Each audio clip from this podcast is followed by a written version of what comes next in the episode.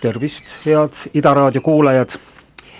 eetris on saade Uus raamat ja mina ei ole Triinu ja minu vastas ei, ei istu ka teine saatejuht Elisa Johanna.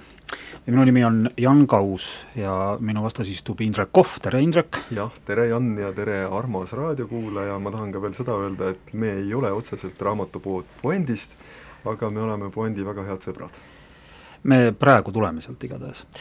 ja, ja, ja meile see raamatpood väga meeldib ja loomulikult meeldis meile ka siis Elisa Johanna ettepanek äh, siia saatesse tulla ja, ja midagi rääkida. Ja kuna saate pealkiri on uus raamat, siis räägime mõningatest uutest raamatutest, aga ka mõnest vanemast raamatust ja kõik need raamatud, millest me täna räägime, on seotud ühe ettevõtmisega, milles osalen nii mina kui ka Indrek, ehk siis kirjandusfestivaliga Head read. ja sel aastal siis toimub meie kirjandusfestival Head read siis kahekümne teisest kahekümne kuuenda maini. üheteistkümnendat korda. just, ja, ja meil tuleb sinna festivalile päris palju huvitavaid külalisi, mõnest neist me ta ka täna räägime, peatume mõnel äh, nende kirjutatud teosel. Ja äkki teemegi siis nagu pikema sissejuhatuseta otsa lahti. et äh, mulle tundub, et meie saade saab olema üles ehitatud nii, et me kõigepealt räägime äh, mõnest väga huvitavast äh, naisautorist, siis peame pisikese pausi ja räägime mõnest väga huvitavast meessoost autorist. ja alustakski ühe mm, prantsuse kirjanduse olulise nimega äh,, Indrek, sina vist tead temast isegi rohkem kui mina, sest mina olen lugenud ainult tema nüüd eesti keeles avaldatud äh, raamatut, äh, mille pealkiri on Hälli laul, autori nimi on Leila Slimani, hääldasin ma õigesti? just, väga õigesti hääldasid. tegu on jah, äh, viimastel aastatel Prantsusmaal väga-väga tuntuks saanud autoriga, kes oli tegelikult noh, ütleme üsna, üsna kuulus juba varemgi, aga, aga loomulikult siis sellise noh, nii-öelda ametliku kinnituse annab kirjanikule see, kui ta saab konkuuripreemia ja see juhtus, kui ma nüüd ei eksi, aastal kaks tuhat kuusteist, kui seesama Hällilaul, mis on ilmunud nüüd eesti keeles ka, eestikeelses tõlkes, saigi konkuuri auhinna.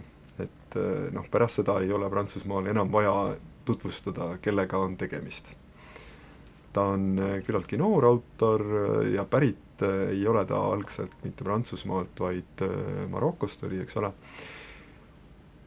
ja kirjutanud põhiliselt sellistel väga-väga tõsistel ja isegi jubedatel teemadel.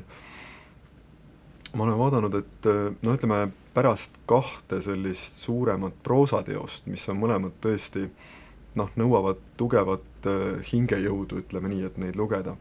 see Hällilaul ja teine siis, mille tõlge prantsuse keelest eesti keelde oleks, äh, oleks Inimsööja aias. see, see lugu räägib seksisõltlasest äh, naisterahvast, kelle elu on tõesti ütlemata raske. aga miks siis? lihtsalt sellepärast, et ta ei suuda olla ilma, ühesõnaga, et just see, et kuidagi, et ta on kuskil ja keegi teda võtab enamasti võõras meesterahvas või võõrad meesterahvad, noh seal, see on tegelikult natuke sarnane lugu, nagu see Lars von Trieri film.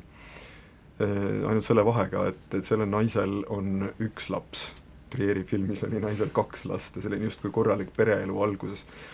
ja te-, noh, ühesõnaga jah, et film inimesest, kes ei suuda mitte kuidagi maailmaga kontakti saada, siis on ainult need üksikud sellised unustuse hetked, millest ta kuidagimoodi äh, suudab eksisteerida. nii et selline, selline väga jube, jube lugu, noh, Hälilalust võib-olla saame natuke veel põhjalikumalt rääkida. aga, aga kas hiljem..., ma lihtsalt segan korraks vahele, kas see ei ole ka selline väga aktuaalne teema praegusel ajal, noh, seda käsitletakse, seda seksisõltuvust nii kaasaegses kirjanduses kui kaasaegses filmikunstis, mulle meenub see Steve McQueeni film äh, Shame ehk Häbi, või siis needsamad Michelle Houellebecqi raamatud, mida sinagi oled eesti keelde tõlkinud ongi, see on selline asi, mida ma arvan, et tulebki käsitleda kuidagi, ma ei tea, miks, aga, aga hästi suur osa meie maailmast on ju sinnapoole suundunud kuidagi. nojah, suhted muutuvad üha seksuaalsemaks või seks Ütleme, asendab nagu sellist tavalist suhtlust, jah. ja, ja kui see raamat Prantsusmaal ilmus, siis äh, vist oli äh, äsja toimunud see Dominique Strauss-Kahni skandaal, äh, kes töötas parasjagu vist Maailmapangas, kui ma ei eksi, ja valmistus osalema presidendi kampaanias justkui noh, kandideerima vabariigi presidendiks. ja, ja siis tuli ette seksiskandaal, mis tõmbas nendele plaanidele kriipsu peale. Noh, seda, sellega oli ka veel omaette huvitav lugu, Le Monde'is kirjutas üks psühhoanalüütik, kes vaatas asjale läbi selle pilgu, et tema jaoks oli see võib-olla selline meeleheitlik appikarje, et ta tahtis pääseda presidendi vastutusest ja oma sellisest plaani järgi kulgevast elust, noh, mine sa tea. Mm.. ja samamoodi selle raamatu tegelane siis võib-olla ka noh, ütleme, ta teadis, et varem või hiljem tuleb see kõik välja aga ta palus iga päev Jumalat, et see ei tuleks välja ja tegi kõik endast oleneva, et need tema hästi tihti korduvad äh, ühe öö suhted ei satuks kuidagi mehe kõrvu ega silma, noh, siis muidugi tuli välja ja nii edasi, no mis edasi saab, lugege raamatust, kui see ükskord tõlgitakse, või lugege prantsuse või inglise keeles, aga jaa, ma tahtsin lihtsalt veel võib-olla enne, kui siis äh, sina saad jagada oma muljeid Hälilaulu kohta, mida sa äsja lugesid, et äh, see autor on avaldanud ka äh, kolumne ja, ja nendest kolumnidest on pandud kokku üks kogumik, eh, seal ta väljendab sellist eh, noh, ütleme ikkagi iseseisva ja lääne tsivilisatsioon, tsivilisatsioonis justkui üles kasvanud naisterahva vaadet maailmale, ta on kirjutanud näiteks ühe, ühe sellise noh, sellise veritseva südamega kirja pannud ühe äh, ühe kolumni pärast äh, Charlie Hebdo toimetuse ründamist ja, ja pärast, äh, pärast seda ööklubi rünnakut Pariisis. Ja ühesõnaga ka jälle sellistel valus, valusatel aktuaalsetel teemadel on kirjutatud need, aga ta on kirjutanud ka näiteks ühe koomiksiraamatu tekstiosa, mis on jälle huvitav asi, ma olen märganud viimasel ajal Prantsusmaal, aina rohkem sellised väga tuntud kirjanikud on hakanud tegema koostööd kunstnikega ja, ja kirjutama koomikseid, ja siis on tal üks, ei ole lugenud, aga, aga päris huvitav tundub, üks raamat, mille kirjutamiseks ta on küsitlenud Marokos noori ja rääkinud nendega seksuaalsusest. et ma arvan, et see võib-olla ei ole siis äkki niisugune vastik, vastik teema, vaid võib-olla hoopiski midagi, mis oleks avatud millelegi ilusale jah, kui nüüd rääkida sellest eesti keeles ilmunud äh, raamatust Hälli laul, mis äh, avaldati kirjastuse tänapäev Punase raamatu sarjas äh,, tegemist on ääretult olulise ja, ja kõrgetasemelise sarjaga, mis nüüd viimasel ajal tõesti on keskendunud kaasaegse väärtkirjanduse avaldamisele, siis jah, see Hälli laul on ka ju päris, päris karm värk, noh, ütleme seal on, see raamat juba algab sedasi nagu sellise korraliku rusikalöögiga näkku, me saame kohe algusest teada, eks ju, et on toimunud midagi väga, väga traagilist, on vägivaldselt surnud kaks, kaks last ja siis hakatakse selle, selle sündmuse äh, tagamaid avama.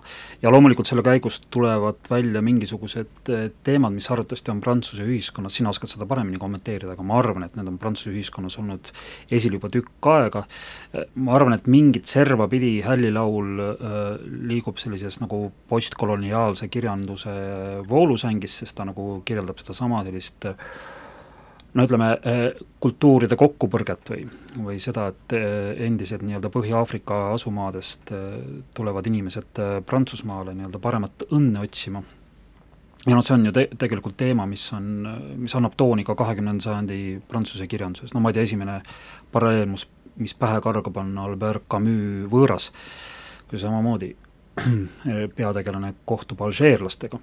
nii et ühesõnaga selline selline kultuuriline kontekst on seal, on seal taustal, aga samas selline äh, kaevutakse kuidagi väga sedasi noh, mingisuguse halastamatu otsustavusega ühe sellise perekonna mingisse intiimellu, intiimsfääri, ehk siis on äh, perekond, isa, ema, kaks last ja siis nende teenijanna ja, nende omavahelised suhted. et ühesõnaga väga karm lugemine, jah. ja seal tuleb vaatluse alla ka noh, selline klassiühiskond, mis võib-olla noh, võib tulla üllatusena, Prantsusmaa ikkagi vabadus, võrdsus, vendlus ja nii edasi, inimõiguste kodumaa, ja, ja kõik on tõesti seaduse ees justkui võrdsed, aga, aga samas on sellised sotsiaalsed kihid või, või klassid väga selgelt eristunud. Ja, ja nii ongi siis suhted selle paremal järjel oleva perekonna ja siis selle lapsehoidja või noh, ütleme, ta ongi mingis mõttes tõesti teenijanna tema vahel, kes, kes tuleb välja, on rahalises hädas ja ei ole üldse kuidagi noh, ikkagi ka päris hästi ei leia vist oma kohta ühiskonnas või et tunneb küll, et teda vajatakse ja perekond ei väsi seda kordamast, kui hea lapsehoidja ta ikkagi on, aga midagi jääb puudu ja sealt no. tuleb sisse see lõhe ja no ma ütlen, et seal on nagu mitmeid kihistusi, millest võiks nagu eraldi rääkida, sest mulle nagu tundub, et mingis mõttes see raamat on ka analüüs nagu kiitmisest, sest tõesti seda lapsehoidjat väga kiidetakse, siis see kiitmine tegelikult mõjub lõpuks nagu hukatuslikult, mulle tundub, et see lapsehoidja hakkab selle kiitmise Äh, varjus pidama ennast nagu kuidagi perele kas asendamatuks või, või kellekski, kes nagu teab perest paremini, mida tuleks edasi teha, eks tal tekivad mingisugused kinnisideed, kuidas pere elu edasi peaks äh, liikuma, mida, mida peaksid tegema lapsed, mida peaksid tegema vanemad, mida peaks tegema tema ja noh, mingis mõttes see on jälle selline klassikaline, klassikaline näide sellisest loost, kus, kus inimene nagu loob mingisuguse äh, maailma äh,, mida ta hakkab siis nagu reaalsuseks pidama, eks, kaob sinna nagu maailm ära mm, -hmm. ta ei, ta nagu seda päris maailma sealt enda selle loodud maailma seest enam ei suuda nagu haarata või, või, või selgelt näha. aga äh, lisaks siis mm, Leila Slimanile on meie festivalile tulemas veel väga huvitavaid äh, naisautoreid. äh,, ütleme siis ma korraks veel segan sind, enne kui sa jutuga edasi lähed, ma tahan lihtsalt öelda, et raamatu on tõlkinud Sirje Keevallik, eks ole. just, väga hea, et sa seda ütled tundub oluline mainida, sest ja, absoluutselt. Leila ise ei oska eesti keeles kirjutada ja seetõttu oli ta kasutanud Sirje abi, mis minu arust oli talle kasuks tulnud, et väga hästi on tõlgitud, mulle tundub. ja, ja et kui, kui sai siin just räägitud, et väga karm lugemine, siis tegelikult see ei tohiks nagu ehmatavalt mõjuda, sest, sest Slimani raamatu stiil on väga sisendusjõuline. oli nagu kuidagi seestunud, et ühesõnaga, et see, see nende tegelaste seestumus kuidagi kandub sinna teksti üle. ja see on minu arust nagu, mis, mis paneb selle teksti tööle, mis sunnib nagu kaasa minema, kuigi ma nagu kuidagi hakkasin lugemise käigus perutama, ma mõtlesin, ma ei taha, ma ei taha, ma ei taha sinna maailma minna, aga see stiil kiskus mu kaasa. jah, see ongi selline raamat, mille puhul alguses alguses tundub, et selliseid raamatuid ei tohiks olla, aga samas ta ikkagi kuidagi oma kirjutusviisiga kinnitab sind sinna külge, sa ei saa sellest hästi lahti lasta ja kui sa oled lõpule jõudnud, siis sa saad aru, et äh, võib-olla selliseid raamatuid ikkagi on vaja. kas just tingimata mingisuguse hoiatusromaanina, aga vot kuidagi jah, et on vaja analüüsida ka niisuguseid asju. jah, ja kui rääkida nüüd sellest äh, tänapäeva punase raamatu sarjast, siis nad avaldasid veel ühe äh, festivalile head read saabuva autoriteose, selle autori nimi on Narin Abkarjan, äh, ta on vene keeles kirjutav Armeenia kirjanik, minu ja Indreku eakaaslane, ehk siis noor inimene, sündinud tuhat üheksasada seitsekümmend üks. Ja nii palju, kui mina aru saan, siis ta kirjutabki Äh, noh, väga huvitavast asjast või kuidagi sedasi äh, puht juba topograafiliselt äh, väga huvitavalt, sest Armeenia mingis mõttes on ju no selline ei saagi aru, kas ta on nüüd Euroopa või Aasia, mingis mõttes ta on nagu Aasia piiril, mingis mõttes ta on Euroopa pi-, piiril, ta on selline nagu piiririik või selline nagu mingi tagahoov mingis mõttes ja ta tegelikult äh, kirjeldab siis elu äh, selle riigi suuruse tagahoovi, tagahoovides, ühesõnaga ta kirjel-, kirjeldab siis väikelinnade või või veel väiksemate asulate, külade elu ja nii ka siis äh, see eesti keelde tõlgitud raamat, mille pealkiri on Taevast kukkus kolm õuna. ja kuna sa ilusti mainisid tõlkija nime ära, siis olgu öeldud ka, et selle Akbarjani, Abkarjani raamatu on tõlkinud vene keelest Erle Nõmm. ja see raamat oli tõeline lugemiselamus, sest äh, ma lugesin seda kohe pärast äh, Slimani hällilaulu äh, ja ta algas ka sedasi väga raske, raskelt, ühesõnaga raamat algab sedasi, et üks peaaegu kuuekümneaastane naine valmistub surema, et tal on verejooks, verd jookseb ja ta heidab nagu voodisse, et, et surra, et noh, et tundub, et järgneb selline tusk ja piin. Ja noh, loomulikult see küla, kus ta elab, jookseb inimestest tühjaks, seda küla tabavad igasugused õnnetused, nii loodusõnnetused kui ka selliste ühiskondlikud, ühiskondlike mullistuste tagajärjel igasugused löögid, noh lõpuks ongi nii, et sinna külla jäävad peaaegu ainult vanad inimesed alles, aga see on väga-väga lahedalt kirjutatud raamat, et ühel hetkel äh, noh, eks alustad raamatut ja tundub alguses, et ta surub nagu lugeja noh, kui mitte vastu maad, siis nagu tugevasti edasi noh, jalgu pidi maapinda. et siin sa oled siin sellisel kuskil Armeenia äh, mingisuguse mäe küljel, sellisel kiviklibusel pinnal ja, ja, ja siin me näitame sulle, kui raske siin elu on, eks ju, kui, kui vaene, kui palju sellist heitlikkust ja, ja, ja sellist äh, eluraskusi, aga siis ühel hetkel äh, hakkab lugu vastupidi, lugejat kuidagi maast lahti kergitama. ja siin tekib selline mingisugune paradoks, mida siin raamatus on ka korduvalt äh, väljendatud, näiteks on üks ääretult tore lause siin, et iga katsumus hoiab ühe õnnetuse eemal et ja, ja nii, nii kuidagi ongi, et, et see raamat äh, hakkab mõjuma ühtaegu maagilisena ja realistlikuna, et ta algab nagu väga realistlikuks, realistlikult ja muutub sedasi kuidagi nähtamatult äh, nagu maagiliseks realismiks. ja, ja ta on ühtaegu traagiline ja koomiline, et ja, ja mida edasi, seda kuidagi koomilisemaks ta läheb et, et tuleb see inimeste kuidagi varjatud huumor või see selline hu-, humoorikas ellusuhtumine öö, äh, välja ja, ja noh, ühesõnaga samas äh, need inimesed on kõik sellised vanad ja noh, kuidagi nende elu on justkui nagu juba äh, noh, mitte nüüd lõppemas, aga ütleme, et on aeg hakata justkui nagu otsi vaikselt kokku tõmbama, siis ometigi nende suhted on väga elavad ja, ja, ja väga intensiivsed. Ja tekib see, see nägemus, et, et äh, kus on kas või ainult kaks sellist kas ükskõik kui vana inimest, on ju, et seal siis vormub võimalus, et nende vahele tekib miski, mis on nagu neist suurem miski, mis äh, liidab kaks kokku, aga on ometi suurem kui see kahe summa.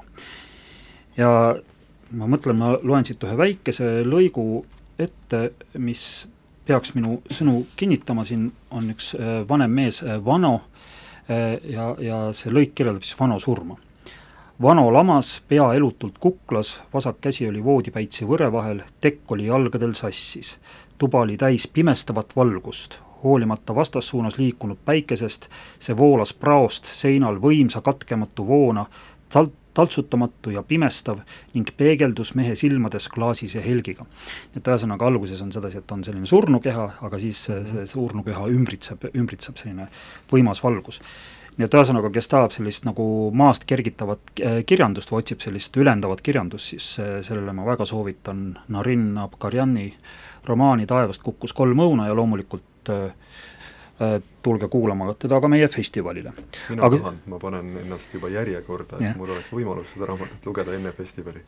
aga liigume siis sealt Armeeniast pisut meile lähemale, et äh, kolmas autor, keda tahaks äh, täna pisut käsitleda, kes ka meie festivalile tuleb, ja kes on samamoodi minu ja Indraku eakaaslane, sündinud tuhat üheksasada seitsekümmend kuus, tema on siis Läti kirjanik Inga Kaile.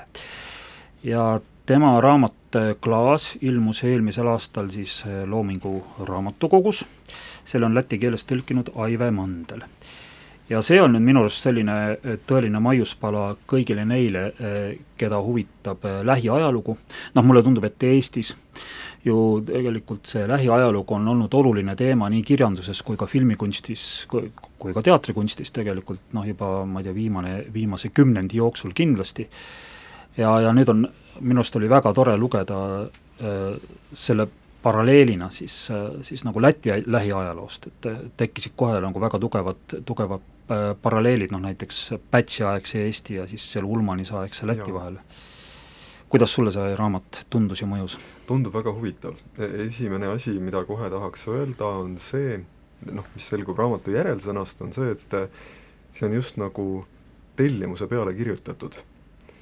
ja kui ma üldiselt suhtun tellimuse peale kirjutatud teostesse skeptiliselt välja, väljaspool muusikat, kus see üldiselt niimoodi toimubki, siis see raamat äh, tõestab mulle vähemalt, et nii on võimalik. see oli mingisugune suurem äh, Läti ajaloo eri kümnendeid käsitlev sari ja siis kuidagi Inga Kailelt telliti kolmekümnendaid äh, käsitlev, käsitlev raamat ja siis ta kirjutas selle et selle, sellisel taustal kuidagi noh, mõjub see isegi veel tugevamalt, kui, kui see muidu võib-olla oleks olnud. ja jah, et tellimustöö on nii kuidagi ja, veenvalt välja tulnud. mm. -hmm.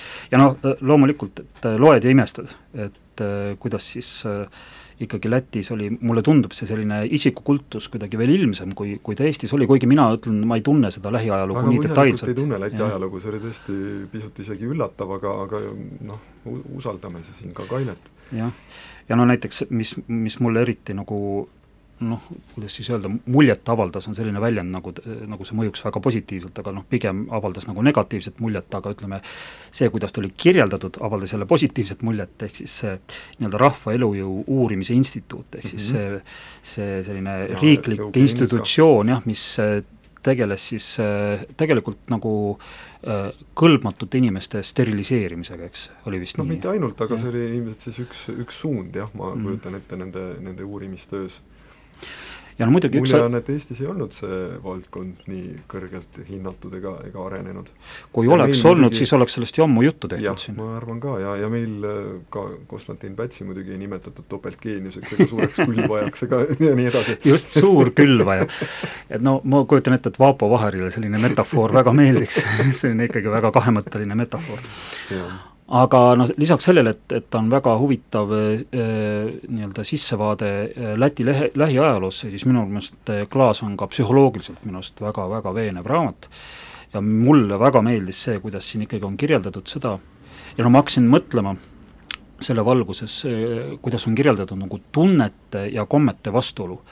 et kuidas ikkagi veel äh, tuhande üheksasaja kolmekümnendatel, ehk siis vähem kui sada aastat tagasi pidid inimesed oma tundeid varjama äh, seetõttu, et kombed ei, ei lubanud tundeid näidata.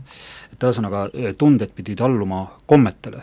ja mulle tundub, et praegu me elame peaaegu et pöördvõrdelises situatsioonis, kus eks ju tegelikult äh, kombed alluvad tunnetele, et ühesõnaga noh, tunnet, jah, tunne käib kõige, kõige ees. aga ütleme, et puhtalt näiteks, et nagu kui me räägime mõnest sellisest kõige olulisemast intensiivsest tundest, armastusest, et noh, minu arust siis me elame küll palju paremas selles maailmas kui need klaasitegelased, sellepärast et et ikkagi armastuse eh, näitamine ei ole kuidagi enam seotud noh, ma ei tea, seisusega või või, või mingisuguse sotsiaalse taustaga, eks ju, et kui noh, ma ei tea, rikka perevõsu äh, armub, ma ei tea, Lasnamäel elavasse venelannasse, siis noh, võib-olla mõni üksik, äh, ma ei tea, kortsutab kulmu, aga tegelikult see ei ole enam nagu teema. et selles mõttes on kuidagi lohutav lugeda, et, et mingites aspektides on inimkond nagu liikunud paremuse suunas. või et armastus oleks ainult naisterahvaste teema, kes on nii või teisiti hüsteerilisemad ja ja saavad endale sellist asja lubada või noh, see on nende loomuses ja nii edasi, noh selle see on vist õnneks selja taha jäänud nüüd. see on sul ka väga täpne tähelepanek tõesti, et, et ka mehed äh, saavad sellest armastuse irratsionaalsusest väga tugevalt osa või, või, või loovad seda või, või alluvad sellele. nii, ja nüüd me oleme mõnest äh, meie festivalile äh, saabuvast naiskirjanikust rääkinud ja, ja kui meile see ettepanek äh, saadet äh, teha tehti, siis küsiti ka nagu selle muusikalise osa kohta ja me mõtlesime, et, et kuna kirjanikud on egoistid ja meie oleme kirjanikud, eks, et siis kuidas me seda oma egoismi probleemi lahendame, siis mõtlesimegi, et, et laseme muusikat, millega, millega me mõlemad oleme seotud, ehk siis ansambel Jan Elsing Äh, kus äh, mina tegutsen, äh, meil tuli hiljuti välja uus plaat nimega Käed. Ja huvitav on see, et kahes loos sel plaadil mängib Indrek Kohv trompetit. Ja me mõtlesime, et proovime täna siis lasta ära mõlemad need lood, kus Indrek trompetit mängib. Ja esimene lugu siis kannab pealkirja Tehe, mis ei jagu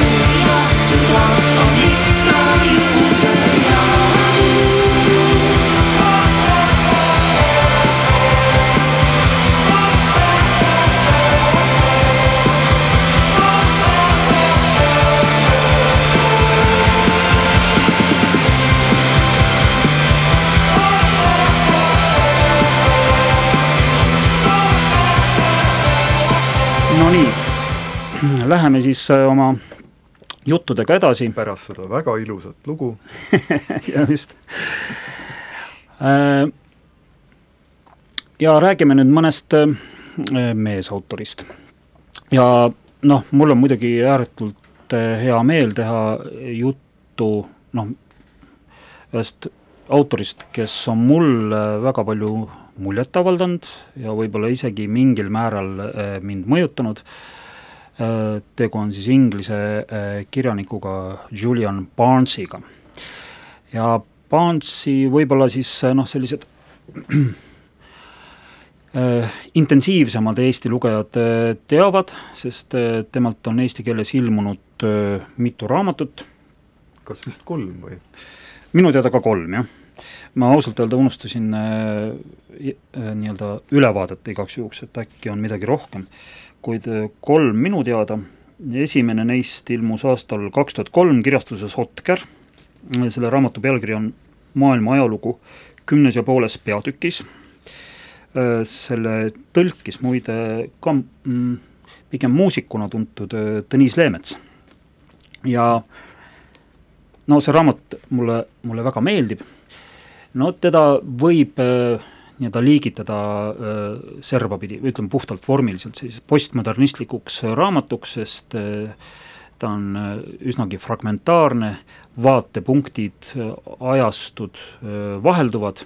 just see vaatepunktide valik on minu arust täiesti pöörane selles raamatus. absoluutselt jah, et raamat ju algab tegelikult sellega, et, et kirjeldatakse selliste loomakeste nagu puukoide Äh, suurt probleemi, et neid ei lasta noalaevale, noh täiesti arusaadavatel põhjustel, eks. ei saa lasta puukoisid äh, noalaevale. Äh, noh, minu arust see on täiesti super idee, kuida-, kuidas nagu kirjanik sellise asja peale kuidas tuleb. Nad ennast sinna smugeldasid, tänu millele neid oli rohkem kui teisi loomi, kes sinna laevale pääsesid ja, ja me saame sealt ka teada, miks näiteks ei ole säilinud ükssarvikuid ja teisi noh, mõningaid selliseid loomi, keda tänapäeval peetakse fantastilisteks olenditeks, põhjus on väga lihtne, lihtsalt Noa koos oma poegadega pistis nad pintslisse. Tõeliselt gurmaanidena.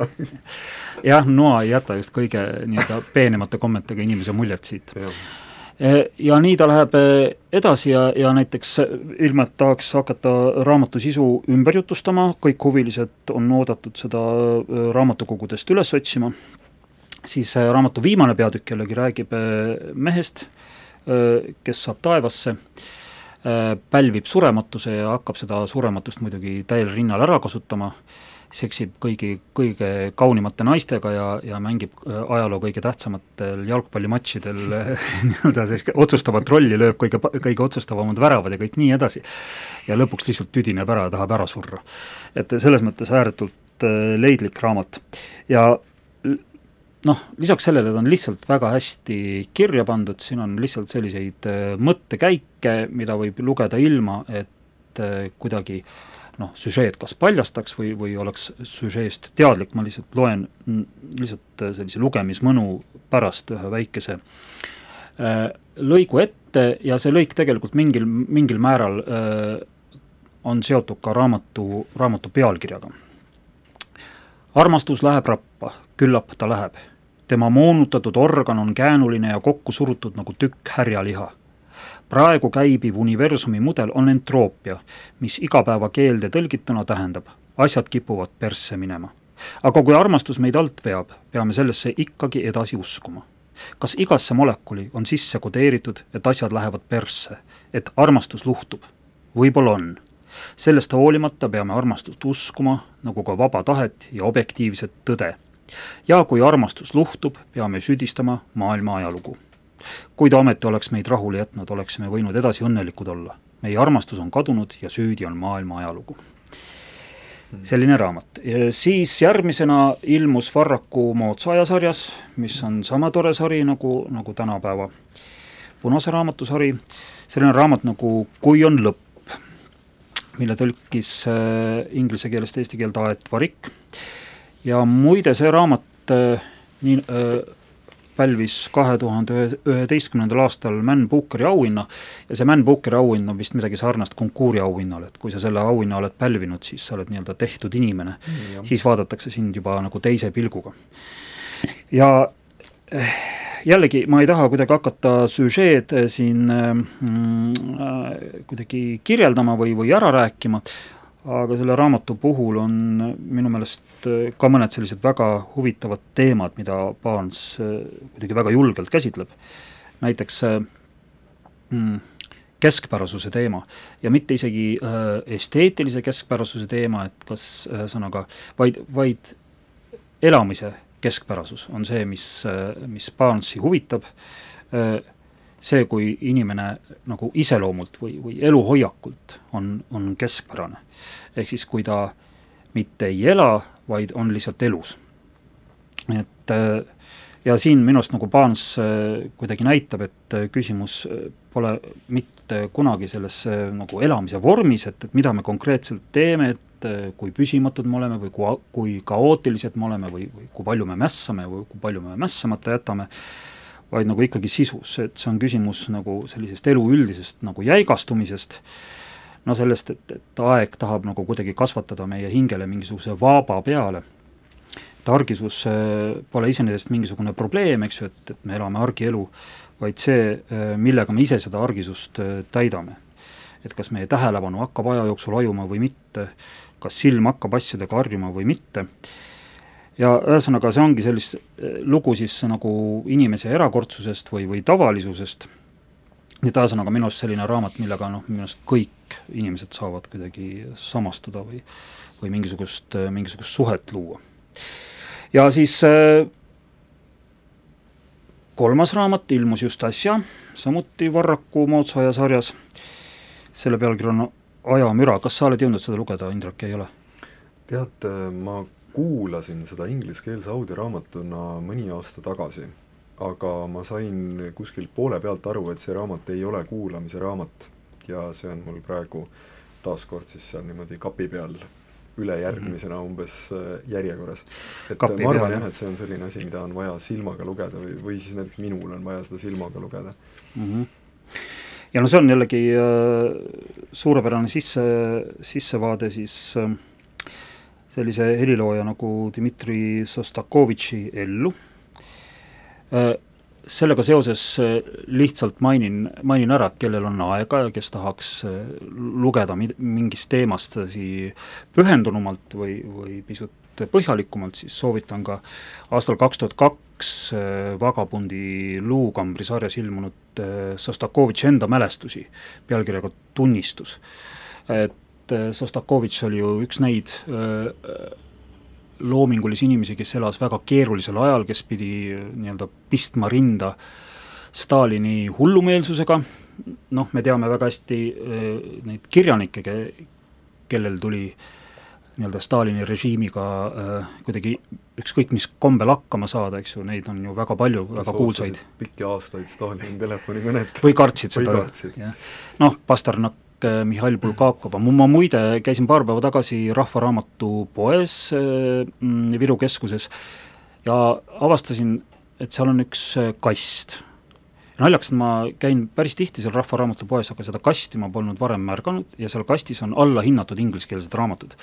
ja ma leidsin sealt Mihhail Bulgakovi päevikud ja kirjad inglise keeles. Mm,, maksis kuus eurot ja seal on samad, samuti kõik need kirjad Stalinile, kirjad eh, eks ju, Kirjanike Liidule, kirjad kolleegidele, no mis on ikkagi täis täiesti meeleheidet, et täiesti kujuteldamatu elu ikkagi aga nad said kuidagi hakkama, eks nad, nad mingil moel loovisid välja, no paljud ei saanud ka, eks noh, seal Mandelstammi ja nii edasi, aga see ei olenenud enam päris neist endast. just. ja Barnes minu arust väga, väga sisendusjõuliselt äh, kirjeldab seda ja see raamat ei ole üldse, üldse paks, aga ta ütleme, nojah, ta ei ole mahult paks, aga sisult, sisult on ta, on ta väga, väga tummine. ja noh, ühesõnaga sellise väga tabava sõnaga, mulle tundub et äh, ilmselt sellepärast ongi ka nii, et äh, soovitaks teda lugeda silmaga ja paberi pealt, mitte, mitte kuulata, mis minul väga hästi ei õnnestunudki mm. -hmm. sest äh, noh, ta ikkagi väga hoolikalt valib seda, kuidas ta kirjutab mm. -hmm. ta ei ole see mees, kes kirjutaks ainult, mõtleb välja suurepärase loo või leiab kuskilt elus suurepärase loo ja paneb selle kirja jah, ta teeb väga huvitavaid selliseid üldistusi või, või tähelepanekuid, ma lihtsalt toon siit äh, ajamürast ühe ära, kus ta näiteks äh, räägib sellisest väljendist nagu Nõukogude Venemaa äh, nagu oksüümoronist. Äh, tsiteerin, olla venelane tähendas olla pessimist, olla Nõukogude inimene tähendas olla optimist just nimelt sellepärast peitus sõnades Nõukogude Venemaa ilmne sisemine vasturääkivus. no suurepärane, väga lihtne ja suurepärane, no ma mäletan, kui kunagi, kui ma lugesin soome keeles Jonathan Littelli seda suurt tellist Eumeniidid mida eesti keeles äh, siiamaani veel pole, äh, siis seal oli ju minu arust väga elegantselt ja väga lihtsalt äh, kirjeldatud ära see nii-öelda Natsi-Saksamaa ja siis Nõukogude Liidu režiimide erinevus.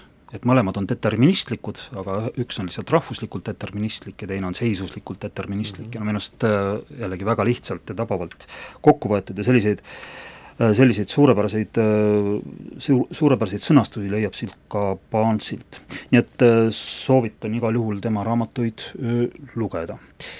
nii, ja siis räägiks ka ühest Eesti autorist, sest ja. Eesti autoreid saabub meie festivalile ka omajagu, aga mõtlesime Indrakuga, et räägime ühest autorist, kellel ilmus raamat just äsja, kahe tuhande kaheksateistkümnenda aasta lõpul ja jäi võib-olla tänu sellele, et ta ilmus täitsa jah, aasta viimastel päevadel ta jäi vähekene kahe silma vahele, et meie Aga proovime arvan, siis seda äh, see on niisugune raamat, mis tõenäoliselt jõuab sinna silmade vahelt ka silma ette õige pea. sest et äh, vähemasti minu arvamus on see, et tegemist on ikka kohe suurepärase raamatuga. väga mõjuva raamatuga, äh, eks sina saad öelda, mis sina arvad, ja, ja võib-olla ma teeks siis otsa lahti selle koha pealt, et et selle raamatu puhul, mis mind väga haaras, on just see, kuidas Mait Vaik kirjutab. olen seda varemgi märganud äh, tema varasemaid raamatuid lugedes, aga mulle tundub, et tema stiil järjest kuidagi küpseb ja läheb järjest äh, täpsemaks sellel sellisel ilmselgelt äratuntaval või, või selgelt leitud omanäolisel Mait Vaigulikul kujul. ja ma isegi või võtaks siit võib-olla ühe väikese lõigu ette lugeda raamatu lõpupoole, äh, mis siis ütleb natukene või noh, kirjeldab, et kuidas see siis on. aastaid hiljem, siiani elus ja see, kuidas ma sinna baari läksin, et selliseid samme astutakse ehk korra. ja märksa tõenäolisem, see, milles õnnestuda, seda ju tegelikult ei olnudki. lihtsalt ime, kui viitsiks malet mängida. igal teisel juhul lõpetanuks ma kas sellel õhtul või mõnel järgmisel kuskil tagahoovis. ja kuigi kõik on vaid oletused ja ainult oletused, selline asi, mis tundub, et just nagu ei ütlegi mitte midagi, aga siis hakkad siia kuidagi süvenema, et kõigepealt just vähemalt minule oli selle raamatu mõju see, et kõigepealt viib mind endaga kaasa see, kuidas ta on kirjutanud, ja siis selle kaudu ma saan sisse libiseda sellesse, millest ta kirjutab. see on sul väga hea tähelepanek, sest, sest minu arust ka Mait Vaigu äh, tekste tasub lugeda juba selle väga imeliku stiili pärast, et see on mhm. selline äh, ühesõnaga, mina ei oska seda parema sõnaga kirjeldada kui lünklik ja ühesõnaga, see võib jätta nüüd sellise kriitilise mulje, aga tegelikult ta äh, tervikuna väga hästi toimib, see lünklikkus.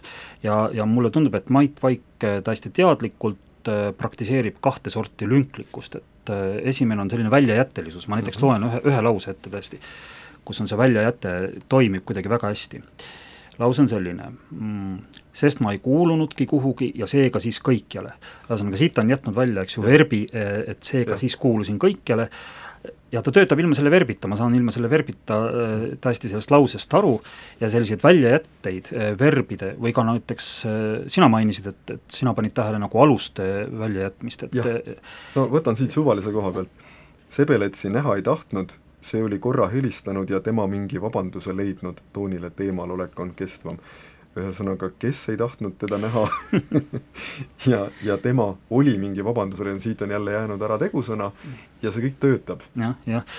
või, ja siis teine, mis minu arust, mis tema seda lünklikkust tekitab või võimendab, on, on mingid kordused. jälle loen ühe lause ta oli seal tüübiga, keda tundsin, nagu selliseid ikka tuntakse, oleksin tahtnud jah, isegi nüüd ja praegu tahtnuks tõesti, et meelega ja nimme, et see natukenegi olnuks ka minu kiusamiseks. ühesõnaga, mingid sellised hästi kummalised sellised kordused, mis tekitavad sellise mulje, nagu sa sõidaks mingi kaarikuga mööda Muhklikku teed, aga samas samas sa naudid seda, et ja. Äh, sa naudid seda, et ei ole selline libe sujumine. et ongi selline nagu noh, kuidagi nagu muhklik ja konarlik nagu meie elutee ise tähendab, jah. ja jätab sellise mulje, äh, et see on väga põhjalikult läbi töötatud, et see ei ole lihtsalt juhuslikult kuidagi niimoodi visatud sinna paberi peale, nii et igaks juhuks tahaks öelda noorele kirjandussõbrale, et äh, ära päris kohe ise katseta, aga loe kindlasti selliseid raamatuid ja pane kõrva taha ja võib-olla siis leiad ükskord ka sellise oma hääle. Mm.. ja no näiteks, et, et nüüd ei jääks ainult mulje, et, et, et see Mait Vaigu raamat Kurvake sügis, et ta on lihtsalt nagu stilistiliselt huvitav raamat, siis minu meelest äh, ütleme nii, et süžee on ju äh, lihtne, et siin räägitakse nagu nelja mehe elust, eks ju, ja nende neli meest moodustavad paarid, on ju, et isa ja poeg, kaks, kaks isa, kaks poega. üks on siis see sinu mainitud Sebelets, kes on kirikuõpetaja ja kimpus alkoholiga, teine siis see isa, tema nimi on Rivo ja tal avastatakse vähk, ta on siis vähihaige ettevõtja siis nende pojad, et Rivo poeg on Ragnar, kes on luuletaja ja plaanib mõrvata tüdrukut, keda ta armastab mm. -hmm. ja siis on, on Sebelets vastamata armastusega. just, ja siis on Sebeletsi äh, poeg Kussar, kes on siis narkomaan, parandab arvuteid aeg-ajalt ja, ja ühesõnaga nendega ega ju seal väga palju äh, midagi ei juhtu, aga lihtsalt see, mida nad mõtlevad ja kuidas mõtlevad, et see on väga huvitav ja tegelikult Mait Vaik suurepäraselt äh, mingisuguseid äh, no ühesõnaga, tal on mingi väga hea närv äh, tajumaks näiteks mingisuguseid ühiskondlikke äh, liikumisi või ühiskondlikke no. probleeme. näiteks kohe raamatu alguses on siin minu arust väga hea poliitiline kommentaar, nagu enne valimisi suurepärane äh, tsiteerin, poliitikud käitusid, nagu oleksid nad jumalatena selle maailma loomise ära teinud, kellele ei saa midagi ette heita, isegi mitte küsida, eelkõige neid milleski ehmatada, kes on oma dementsuse välja teeninud no ühesõnaga need sõnad äh, pühendame siis Rainer Vakrale.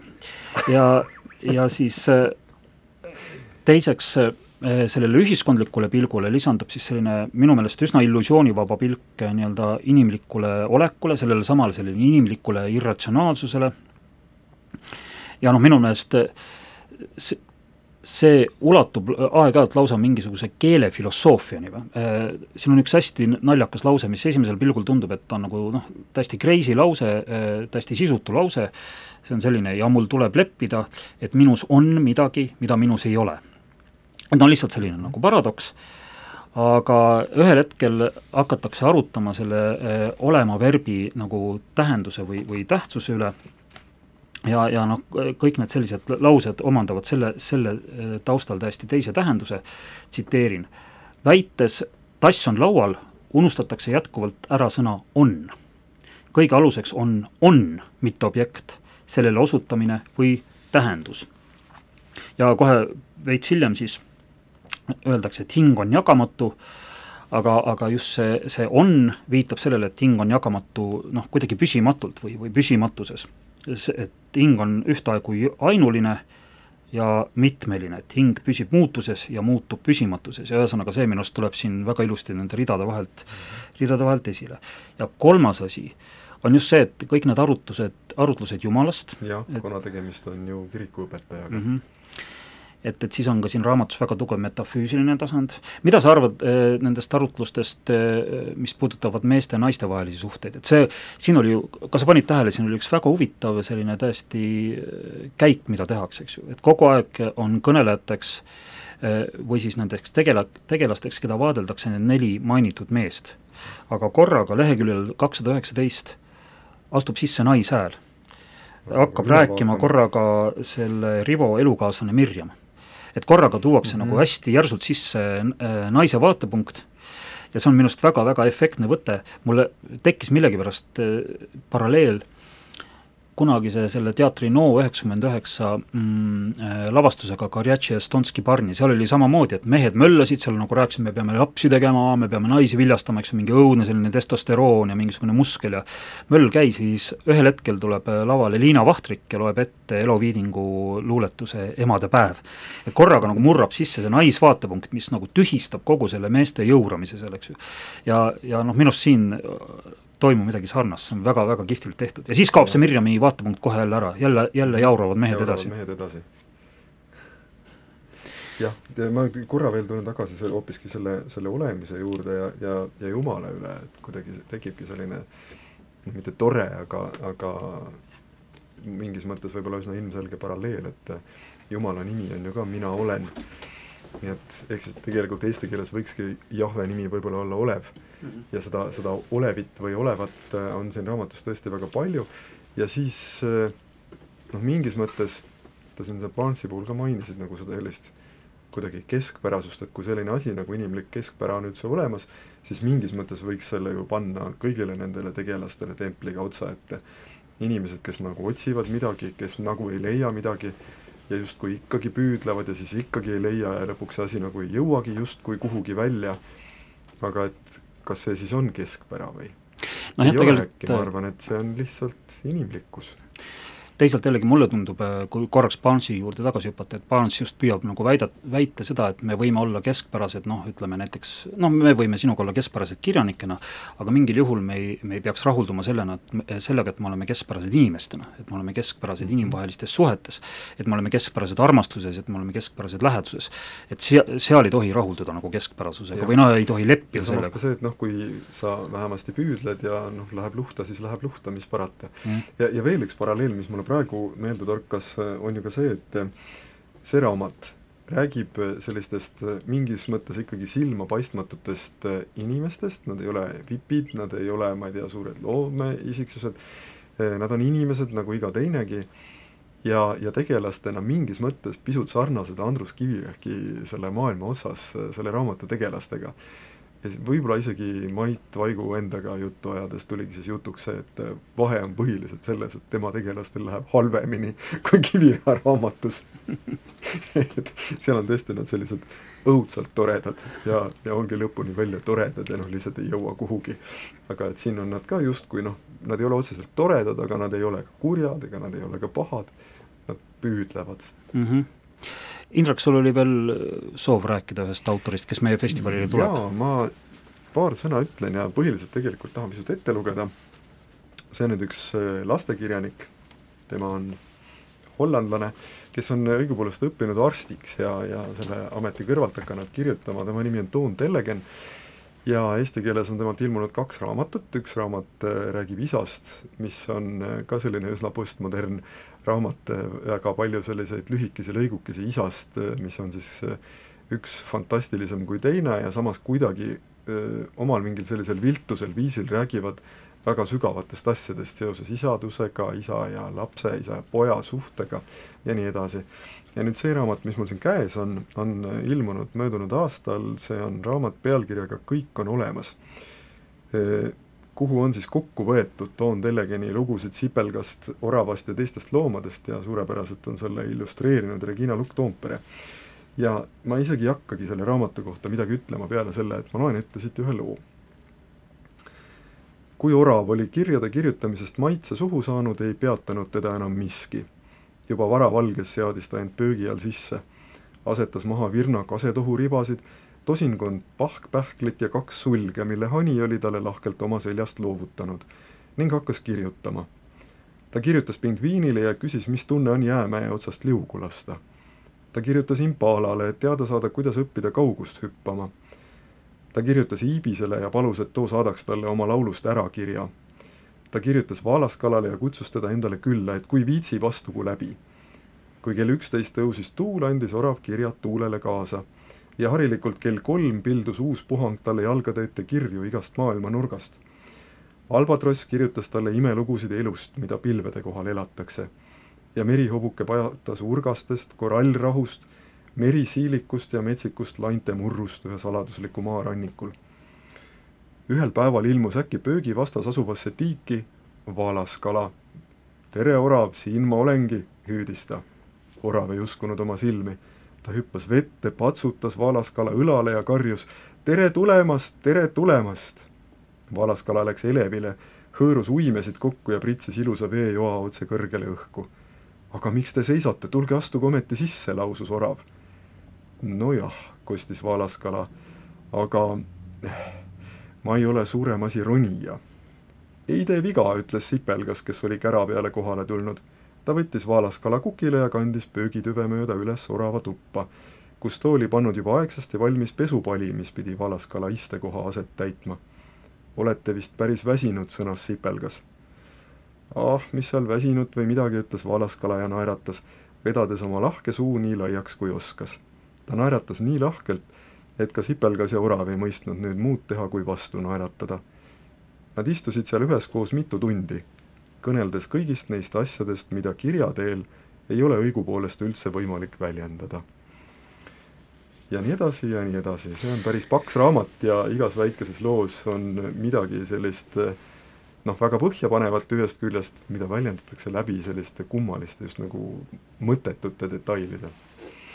Nonii, see on väga hea hetk, et hakata saadet äh, kokku tõmbama et eetris oli siis äh, saade Uus raamat, äh, stuudios olid Orav Kohv ja Vaalaskala Kaus. kes ei ole Triinu ega Elisa-Johanna, aga on ometi kuidagimoodi pisut ka puänt. jah, ja eks me siis laseme jälle seda Jan Helsingit, kus teeb kaasa trompetil Indrek Kohv, tore, et te kuulasite meid ja Aitäh. ehk äkki kohtume kunagi veel.